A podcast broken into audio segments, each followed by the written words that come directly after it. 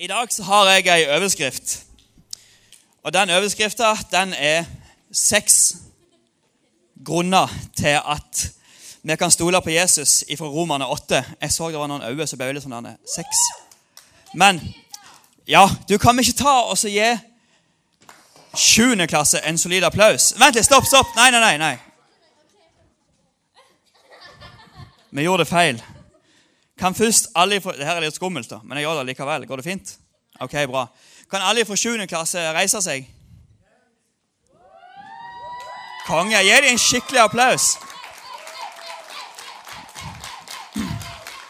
Dere kan bare bli stående. for Jeg har lyst til å snakke litt til dere først, for det er dere som er viktigst.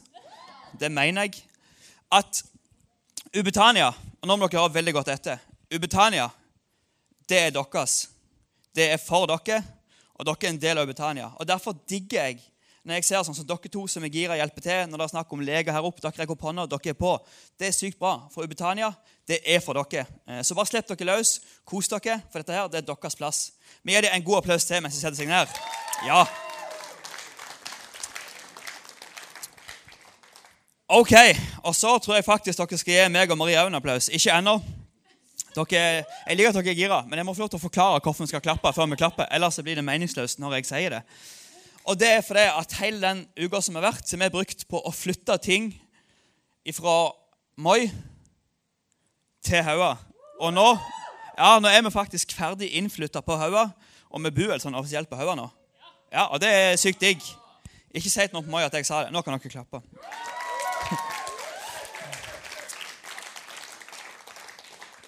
Veldig bra.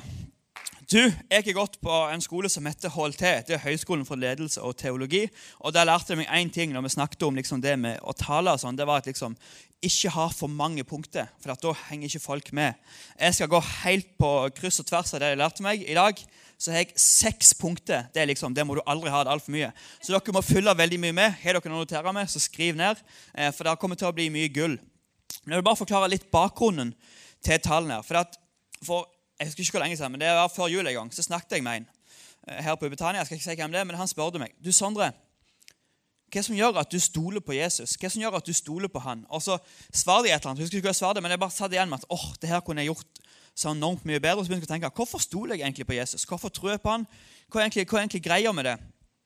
Og så kom jeg på en tale som jeg har hatt tidligere, der jeg tok utgangspunkt i et kapittel i Bibelen, Romerne 8. Hvis dere ikke leser i Bibelen, så ta og begynn å lese i Romerne 8, for der står det veldig mye bra. Og ta oss investere i en sånn jentebibel. altså sånn hjertelivet på den. Dere gutter dere kan ta og gjemme den under senga, eller et annet, men når du leser den, så er det mye lettere å lese den. Bare ikke ta det der, Der står sånne quizer. Hvilken jente er du? eller et eller annet. Ikke ta de quizene. Men utenom det så er det sjukt mye gull i den. Så det vi skal se på i dag, det er på en måte seks sannheter som står i Romerne 8 om hvorfor vi kan stole på Jesus. Eh, og det her er ikke noe jeg har funnet på, men det her er noe som Gud har lagt ned i Bibelen. Derfor tror jeg det er enormt viktig. Og Det første dere må ta til dere, og dere må skjønne, er at vi kan ikke stole på Jesus pga. hvordan vi føler ting. Noen dager så vil vi føle at livet er dødsbra. Det er digg å gå på Ubetania, det er gøy å være her. Alt bare er bra. Og Da er det veldig lett på en måte å liksom tro på Gud og stole på Jesus pga. en følelse. Men noen dager så er ting litt vanskelige. Du kan gå på en smell, det kan skje ting som ikke er så lett. Og Hvis du da lar følelsene dine styre, styre livet ditt med Gud, så kan det da være at du måte slipper litt på Gud. Eh, men vi må heller la sånne sannheter som står i Bibelen, ta oss og styre oss. Eh, jeg bare setter i gang, for her er det seks punkter. Det er om til å snakke dødslenge, så jeg skal ikke gjøre det. Men jeg må bare komme i gang. Første punktet er at mine synder er tilgitt, og min evighet er sikker. Men det sier Roman 8, det første som står 1-2. Derfor er det da ingen fordømmelse for den som er i Kristus. For de ønsker ikke å leve etter sine lyster, men, lever, men vil leve slik Ånden vil. Og fordi vi tilhører Jesus, har kraften i Guds nåde gjort oss fri fra synden og dødens lov. Hvis du har gjort et eller annet galt, hvis du har gjort et eller annet, du angrer på et eller annet du kjenner at åh, nei, fillen, det skulle jeg ikke gjort, Hvis du har sagt noe til noen som kjenner at åh, det er ikke bra, den vonde tingen du kjenner på, det kan være Gud og Hans hellige ånd som prøver å si at du, det var ikke bra, det du gjorde. Men det er ikke sånn at da står Gud på en måte og dømmer deg og peker på deg og sier at det er ikke bra. du er ikke god nok. Nei, Han sier at men vet du hva? på grunn av det Jesus gjorde for deg, så gjør det ingenting. Jeg sletter den synda di. Og jeg vet ikke med deg, men jeg på en måte har gjort enormt mye dumt. Jeg har fortalt litt her, så jeg skal ikke ta opp igjen det, men jeg har liksom nesten et par sauer på samvittigheten fordi vi likte å skremme og jage dem da vi var små. Det gikk bra. Jeg har ikke tatt og pælma en stein. Jeg var så sint på broren min en gang. Jeg bare tok opp den beste og fineste kassesteinen jeg fant. Så skulle jeg bare skremme den. Ja, jeg vet det, men jeg sier det igjen, for det er et veldig bra poeng. Hvem var det som sa det? Var det du som sa det? Ja, da kan du holde for øren. Nei, jeg bare tulla. Jeg bare tuller. Det er bra du følger med, og det er bra du er på og tenker at ja, det, det liker jeg. Eh, men så tok jeg opp den steinen og skulle bare skremme han, men så er jeg ikke så god sikta, så jeg traff han midt i planeten. En annen gang så spente jeg en annen trampoline, fikk jeg saks inn i hodet. Det gikk veldig fint. Men liksom, jeg har gjort veldig mye som får meg til å føle at åh, jeg er ikke bra. Og den verste opplevelsen er ikke den verste, men en av de verste jeg har hatt jeg vet ikke hvorfor, eh, og det er, liksom, det er ingen som sier det nå lenger. Men når jeg gikk på ungdomsskolen, nei, på videregående, så var det enormt populært å si mor di. Bare sånn helt random, bare for tull. Folk sa det hele tida. Ingen sier det nå lenger, men folk sa det hele tida. Og det var sånn, Hvis noen spurte eh, 'Hvordan har du vært i dag?' så bare jeg mor di'. Bare for tull. Det make ingen sense. Men det som er veldig farlig, var at, og det er egentlig ikke noe løye, men jeg har ikke skrevet opp med henne og fortalt det, men jeg, bare, jeg følte meg så enormt at åh, oh, nå har jeg virkelig gått på en smell. Vi var i en klassebuss, og der var det en i min klasse som eh, sa et eller annet, og så var det sånn perfekt. Nå er det perfekt å sier mor di. Men så liksom Hæ? Er det ingen som sier det? Vi er liksom 30 stykker i en buss, og det er ingen som sier det. Så jeg bare snudde meg, og så bare pekte jeg på henne, så bare skreik jeg det jeg kunne. Mor di. Men så når jeg så ansiktet på henne, så var det hun ene av klassen som liksom for en liten stund siden hadde mista mor si. Og alle ble bare helt stille. Hun bare så hun sleit skikkelig. Og jeg bare åh, hvordan i alle dager skal dette her gå? Jeg hadde så vondt. Jeg bare sprang bort og ga henne en klem. og liksom, Hun sa det gikk greit, men jeg så at det ikke gikk greit, og jeg snakket lenge med henne etterpå. Og før jeg liksom, etter det jeg hadde gitt henne en klem og liksom ikke sa noe mer, fram til jeg snakket med henne, så hadde jeg så sjukt vondt inni meg. og jeg husker jeg tenkte at Hvordan i alle dager kan Gud på en måte synes jeg er en bra person når jeg kan gjøre noe så fælt og noe så ondt mot en annen person? Det var, det var ikke ment som noe ondt, men det ble på en måte det. Men det er ingen fordømmelse for de som er i Kristus. Uansett hvem vi er, uansett hvem folk rundt dere sier vi, uansett hva vi har gjort. Gud han dømmer oss ikke for det. Andre punktet. Jesus han er med Guds høyre hånd. Og vet du hva han gjør der? Han ber for meg og for deg. Romerne 8,34. Nå sitter han, altså Jesus, ved Guds høyre hånd, og han går i forbønn for oss. Eh, jeg vet ikke med dere, men jeg har opplevd at det kan være veldig mye kraft i bønn. Jeg har på en måte hatt en kjempevondt i låret en gang, og legen sa at det kom til å ta mange uker. Eh, så jeg ble bedt for, og så bare sånn så ble jeg frisk. Jeg har sett mange andre folk som blitt helbreda for mye mer. Jeg har sett at Gud har grepet inn i folks liv og gjort ting. Men en gang så var vi på en sånn fotballturnering. Er det noen her som spiller fotball? Ja, ah, Gud, da kan dere relatere dere til det. Jeg var og spilte fotball, eh, og for å være helt ærlig med deg, jeg liker på en måte å, jeg vet å tape. Så jeg liker på en måte å være på et bra lag der jeg vet jeg vinner. Men jeg bare visste den gangen at her er det liksom null sjanse. Jeg var den eneste som spilte fotball til vanlig. Og liksom de seks andre de kunne ikke spille fotball i det hele tatt. Det var en som var litt god. Eh, men så begynte det egentlig bare litt sånn for tull at vi samla oss før kamp i sånn sirkel. Og så sa noen folk ja, vi hadde aldri spilt fotball sammen før. Ja, hva skal vi gjøre nå? Og så sa den andre Ei, du er sånn kristen, Sondre. Ta oss og be litt. Jeg bare, øh, ok. Altså Første gangen så ba jeg bare litt sånn Jeg mente det ikke skikkelig fra hjertet mitt. Jeg bare sa noe for det sa jeg noe. Og så en eller annen merkelig grunn. Vi hadde sjukt flaks, men vi vant den første kampen. tenkte jeg, oi. Og de andre sa liksom Hei, du Sondre, det er uh, guden din. Det der, det der hjelper. Så neste kamp, vi samla oss rundt, vi bedde igjen. Vi gjorde det før hver eneste kamp. Eh, altså, Vi gikk videre fra gruppespillet, så vi kom til sluttspillet. Vi vant de første to kampene i sluttspillet. Og vi, var liksom, vi var en av de dårligste lagene der ever. Um, og så jeg var begynte å komme så høyt opp at vi tenkte at oh, du, vi, kan, vi, vi, kan jo vinne hele greiene. Eh, så vi var i semifinalen, siste kampen før finalen. Og da var vi så gira og syntes vi selv var så gode at vi glemte liksom å be. Og så jeg vet ikke om det var det, Vi gikk ut, og vi tapte sånn 18-0 på sju minutter. Det bare rakna totalt. Men jeg tenker at du Tenk liksom når jeg, som bare en stusslig rødere gutt fra Moi, kan liksom be, og så kan et så dårlig lag gjøre det så bra hvor mye da kanskje Jesus, som er Guds sønn, betyr i ditt liv når han sitter oppe på sida av Gud og ber for deg.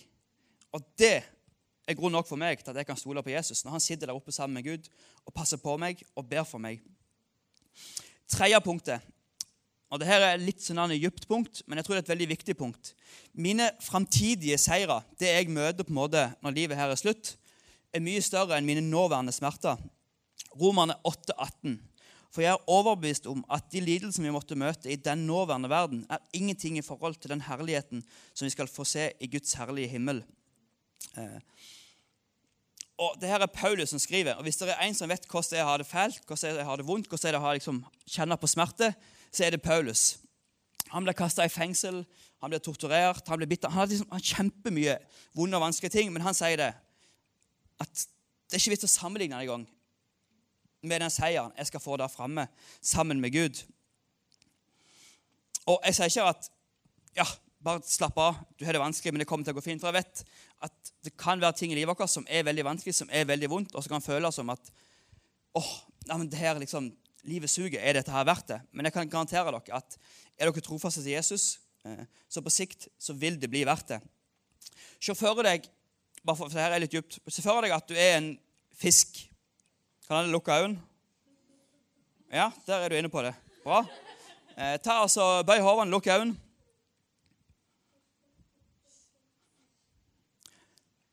Og så later du som du er en fisk. Ja, bli en fisk. Og så kommer jeg. Du er en bitte liten sånn bøtte, så du har ingen plass å svømme. Så kommer jeg, tar hånda mi rundt deg, løfter deg opp, og så legger deg på land. Hvordan føler du deg nå? Du er en fisk. Du får helt panikk. Du, liksom, du kan ikke puste. Du, det er liksom, Hva skjer? Og så sier jeg ja, men bare slapp av. Her har du 100 millioner. Men liksom fortsatt Du er en fisk på land. Du får ikke puste. 100 millioner betyr ikke en puck. Så jeg greit, slapp av. Du skal få tidenes villa. Du skal få et basseng uten vann, selvfølgelig. Ellers er det ikke noe poeng i denne historien. Eh, du skal få flatskjerm på 100 tommer der du kan sitte og spille Fifa. Du skal få tidenes største sminkeskap. Jeg vet ikke hva som appellerer til jenter. Jeg er ikke jenta sjøl. Eh, men skjønner dere poenget at uansett hva du gir en fisk på land, så vil han aldri bli helt fornøyd. For fisken sin identitet, hvor er den henne? Hvor er det fisken hører hjemme? I vannet. Og Sånn er det med oss òg. Vi er skapt av Gud for å være sammen med Gud. Vår identitet det er ikke her på jorda. Vi er ikke skapt for å være her på jorda. Vet du hva? Vi er skapt for å være med Gud oppe i himmelen. Derfor vil vi oppleve å møte ting her i denne verden som er vanskelig. Men den smerten vi møter, det er ingenting i forhold til det vi kommer til å møte når vi på en måte blir tatt opp i vannet og opp til Gud. For da får vi det akkurat sånn som vi er skapt til å ha det. Yes, Punkt nummer fire. Hvis Gud er for meg, hvem kan da være imot meg? Hvis Gud, han som har skapt alt det vi ser, alt det vi, altså her vi lever, hvis han som har skapt alt det, er på mitt lag, er for meg, hvem kan da være imot meg? Romerne 8, 32-33. 33, 30, det er ingen som heter. Det var sånn jeg telte da jeg var liten. 28, 29, 2011, 2012 Samme det. Iallfall, der står det. Hva skal vi da si til dette? Hvis Gud er for oss, hvem kan da være imot oss? Hvem kan anklage oss som har utvalgt det? Det er Gud som har gjort oss rene innenfor ham. Hvem kan da dømme oss? Eh, og Hvis noen sier at ah, måten du lever livet ditt på, det, det, funker ikke, det er teit, måten du gjør det på, det er rart liksom Prøv å trykke deg ned, prøv å stenge deg ned, si at ah, men du er litt annerledes, du er ikke sånn det skal være. Gud er på ditt lag. Har det egentlig noe å bety? Eh, og Jeg vil kanskje trykke litt på tærne deres, være litt frekk, men jeg tror det er veldig viktig og veldig sant at hvis du tror på Jesus og lever 100% som at du tror på han, så kommer du, til å komme i situasjoner der folk vil si at ah, det er litt rart, det du gjør der, det er litt merkelig. Men hvis du aldri møter sånne situasjoner der folk på en måte stiller spørsmål til deg, så må kanskje du ta og se litt på hvordan jeg lever livet mitt. For at vi er ikke skapt til å passe inn i denne verden. Vi skal skille oss bitte litt ut når vi tror på Jesus. Ikke at vi skal bli sånn totalt helt rare som lever vårt helt eget liv. Men vi skal ikke være akkurat sånn som alle andre, for vi har fått helt spesielt inni oss når vi tror på Jesus. Min farfar når jeg vokste opp, jeg var typ sånn 4.-5. klasse kanskje, han jobbet på en pølsefabrikk. Og det kuleste jeg visste, det var, det var å være med han på den pølsefabrikken. Eh, og Der hadde de sånne store maskiner. Se for deg et sånt stykke med kjøtt som er så svært. Og så skal du få hakket opp dette kjøttdeig, så du bare skyver det inn i en maskin. og så blir det kjøttdeig. Rundt den maskinen for den var veldig farlig, var det sånn en gul linje. Og Innenfor den så hadde ingen lov til å gå. Kun han ene som hadde liksom lov til å styre den maskinen, han hadde lov til å gå der. Og Jeg syntes det var dødsgøy, for jeg liksom gikk nærmere og nærmere den streken. Og så kom det alltid folk og sa du, du må gå vekk ifra der. Eh, og så tenkte jeg ja, men det er jo min farfar som er sjef her, så han bestemmer jo. Så da kan jo egentlig jeg stå der. Så jeg liksom, når jeg så det var ingen som så, så gikk jeg bort og stilte meg inn forbi den. Lente meg inntil maskinen.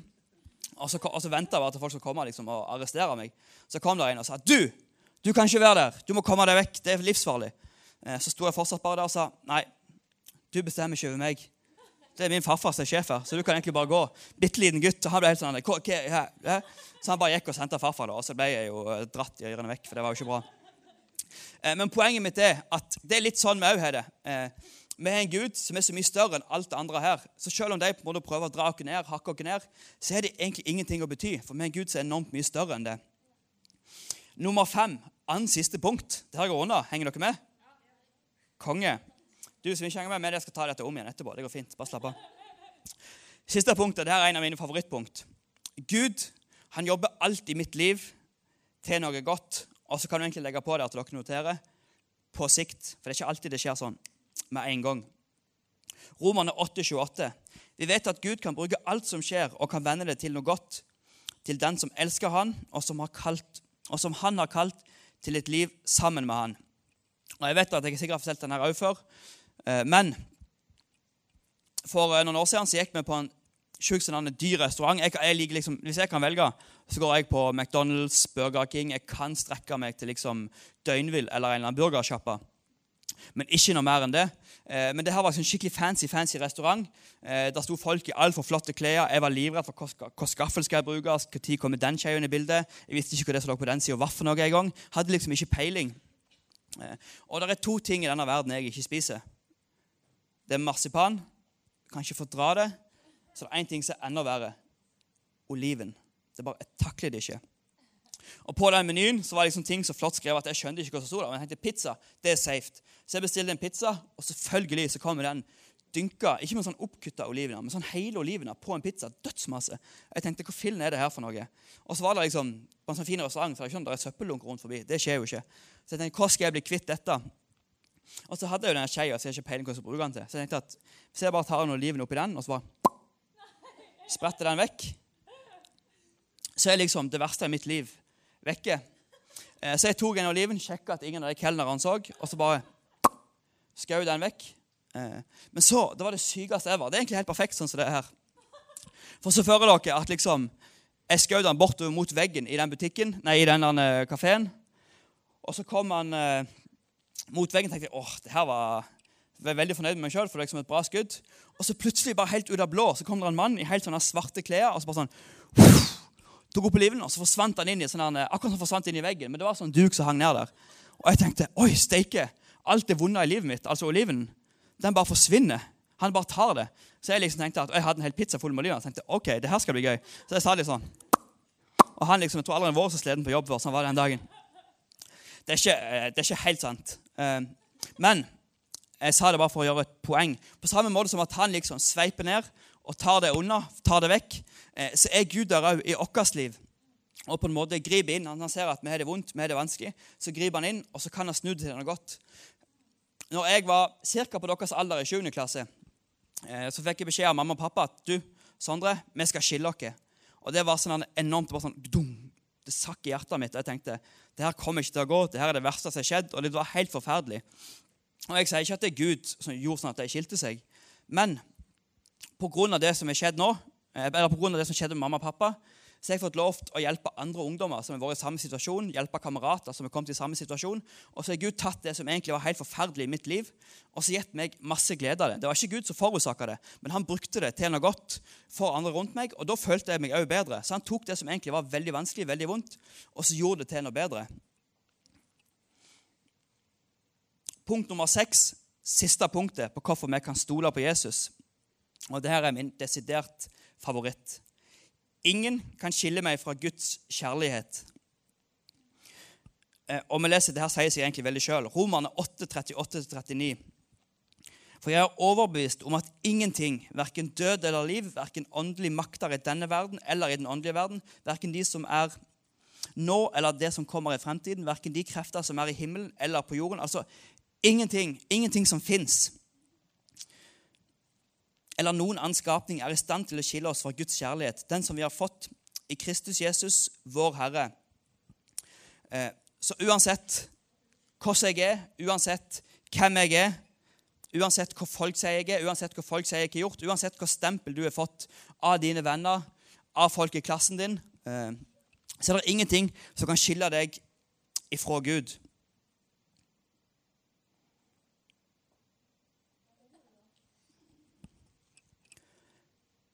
Og det dere må skjønne at det er ingenting vi kan gjøre for at Gud skal elske oss mer. Vi kan ikke gjøre noe som gjør at åh, oh, siden du gjorde det, Elena Eller siden du gjorde det, Emma. Elena ikke. Siden du gjorde det, Emma, så elsker jeg deg mer. Men det er heller ingenting du kan gjøre for at Gud skal elske deg mindre. Gud han elsker deg akkurat sånn som du er. Så Kjapp oppsummering. Seks grunner til at vi kan stole på Gud. Mine synder, de er tilgitt. Min Gud, han er for meg. Jesus han sitter med Guds høyre hånd og ber for meg. Mine nåværende smerter er ingenting målt opp med den seieren jeg får sammen med Jesus i himmelen. Gud han jobber alt i mitt liv til noe godt. Og ingenting, absolutt ingenting, kan skille meg ifra Guds kjærlighet. Det vi skal gjøre Nå nå skal jeg gå mot en avslutning, som er øyeblikk ferdige. Men jeg har ikke lyst til at du skal ta og fokusere litt bare på deg sjøl. Glemme litt han på sida av deg. Og Måten vi gjør det på, er at når dere er ferdige å notere, bare tar hodene og så bøyer de ned. Alle kan bare gjøre det. Ta hodene og bøye ned. Lukke øynene. Og Hvis du på en måte ikke kjenner at ah, det er ikke for meg, så bare ta så bøy hodene og lukk øynene, og så kan du bare sitte deg for deg sjøl. Men jeg tror at det er ikke tilfeldig at akkurat du er her i dag. Jeg tror at det er Gud som på en måte har lagt ting til rette for at akkurat du er her i dag. Og Vi snakker akkurat om seks grunner til hvorfor vi kan stole på Jesus, hvorfor vi kan stole på Gud.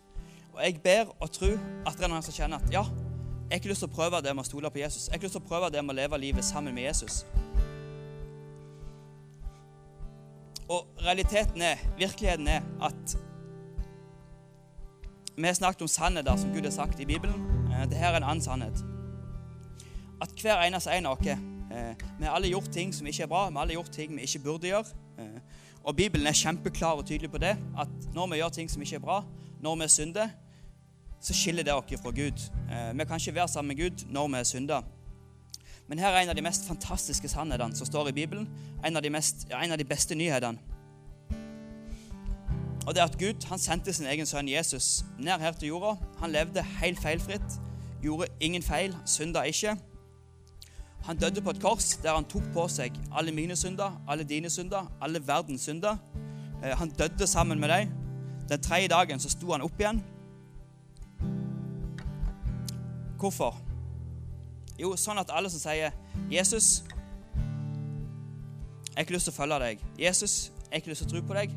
Alle som kaller på Han, de blir redda, tilgitt og gjort ny. Og Jeg tror av hele mitt hjerte at Gud tilleder noen her i dag fordi at de har lyst til å ta den avgjørelsen. Så hvis du kjenner at yes, Gud, jeg kjenner det dunker litt ekstra på hjertet mitt eh, Jeg har ikke lyst til å prøve det å leve livet sammen med deg synes det at det er ingenting vi kan gjøre for at Gud skal elske oss mindre, og det er ingenting vi kan gjøre for at Gud skal elske oss mer. Gud han elsker deg akkurat sånn som du er. Eh, så nå tar alle sammen og så bøyer hodene og lukker øynene. Alle sammen. Og så er vi rolig i respekt for de rundt dere. Og hvis du kjenner at ja, det er meg, så kan du ofte rekke opp i hånden jeg teller til tre. Skal jeg ikke ta deg fram, ikke peke deg ut, ingenting kleint. Det blir et valg mellom deg og Gud. Så nå kan alle ta og bøye hodet og lukke øynene. Alle sammen. Bra. Så når jeg teller til tre, så rekker du bare hånda opp i været. Én, to, tre.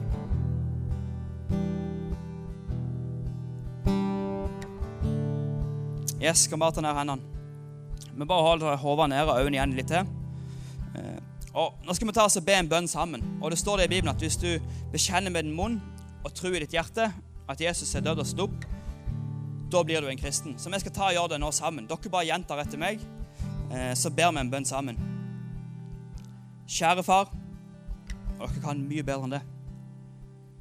Kjære far, tilgi meg for alle mine synder. Gjør meg ny. Jesus, jeg tror på deg. Hellige ånd, fyll meg med deg, så jeg kan kjenne deg, tjene deg og følge deg. Mitt liv er ditt. Amen.